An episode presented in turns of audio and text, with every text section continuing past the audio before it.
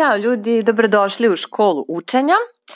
Danas e, pričamo o ovom trećem koraku koji je potreban za jedno onako e, kvalitetno usvajanje znanja i e, kada završimo i sa ovom pričom i vi završite i sa ovom vežbom ili uvežbavanjem ovog koraka, onda ćete stvarno biti osposobljeni da imate onako jedan dobar temelj za bilo kakvo kvalitetno učenje, kvalitetno usvajanje znanja, aktivno učenje, svesno učenje, nazovite ga kako god, u svakom slučaju e, rezultati moraju da se pojave i do neke promene mora biti ako sve ovo praktikujete. E, kratko da se podsjetimo, dakle, to su zapravo e, tri stvari koje treba da radite uvek i praktikujete uvek na bilo kojem gradivu i bilo kojoj vrsti učenja e, nečeg novog, da li, zna, da li lekcije ili veštine.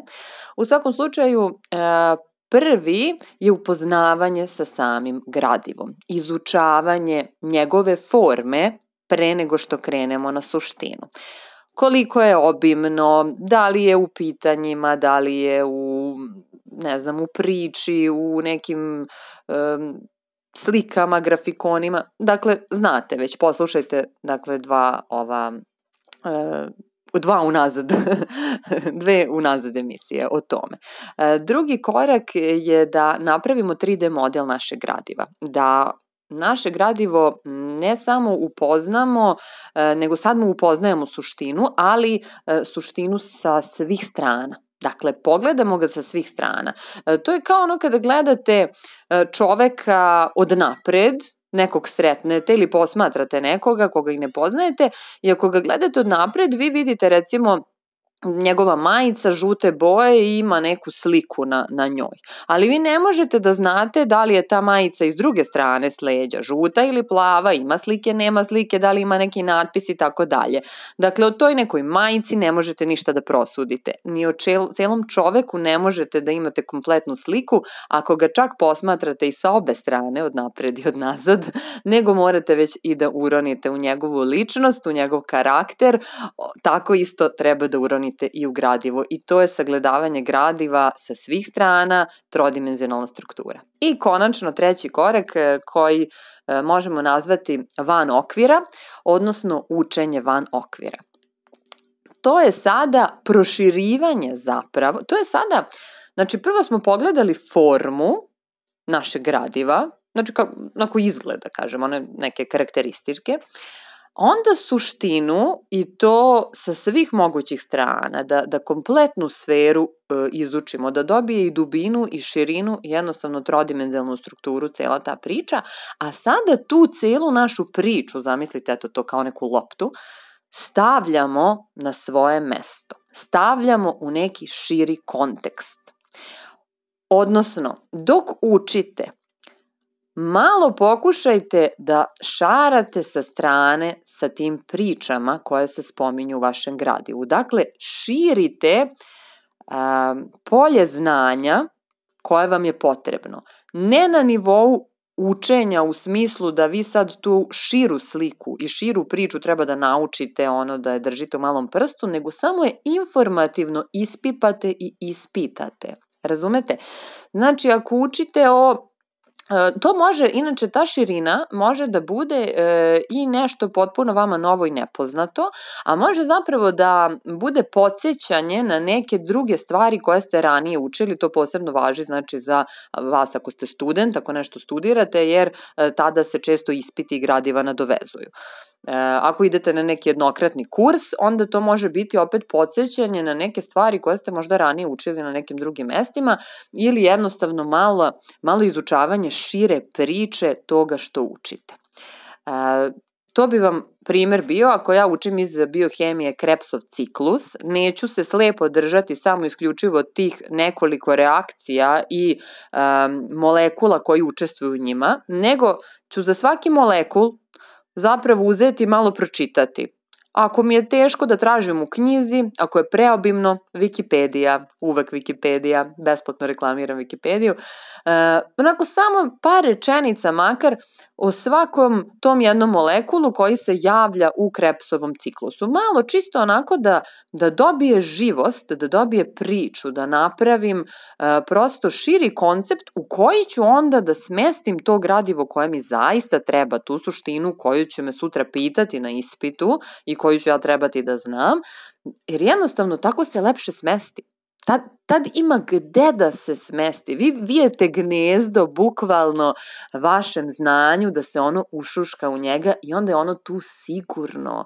Ono je onda tu sigurno i nema gde da pobegne i nema gde da nestane jer ima svoj udobni krevetić gde da se smesti i gde da legne. Tu mu je mesto pravite mesto za njega. Bukvalno je tako. Zato je taj korak važan i e, kao što sam rekla, izgleda tako što recimo o svakom nekom pojmu, osobi, čemu god, zavisi šta učite, iz, iščitate opet malo nešto šire.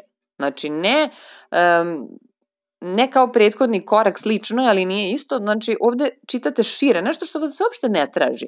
E, moj savet je zapravo da tražite neke zanimljivosti o tome.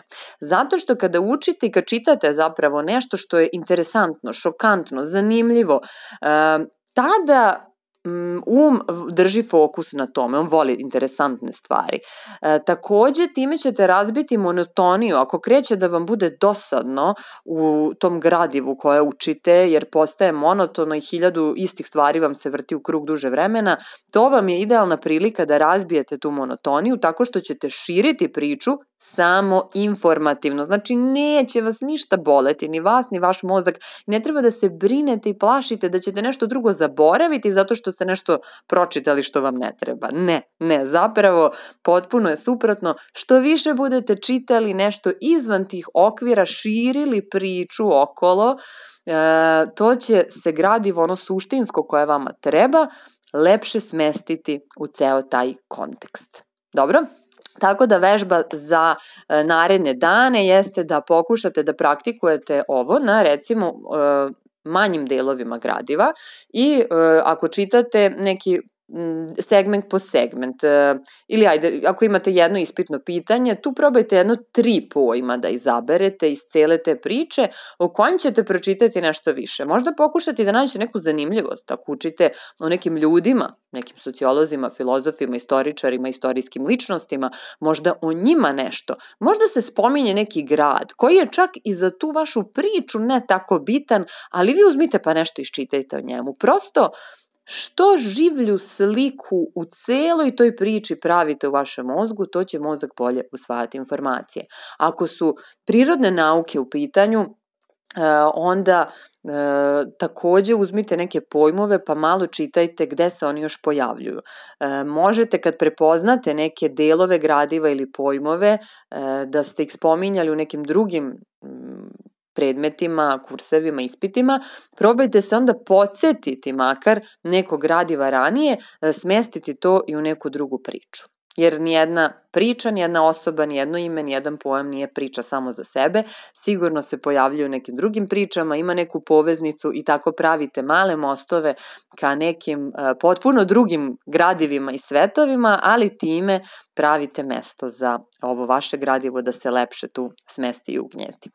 Dakle, vežba je da e, za bar tri pojma svakog, znači svakog dana u tokom učenja, koliko god sati izdvajate za učenje, za neka tri pojma ili tri segmenta gradiva malo pročitate nešto sa strane što nema veze sa tim. Znači, to vam je praktično radna pauza.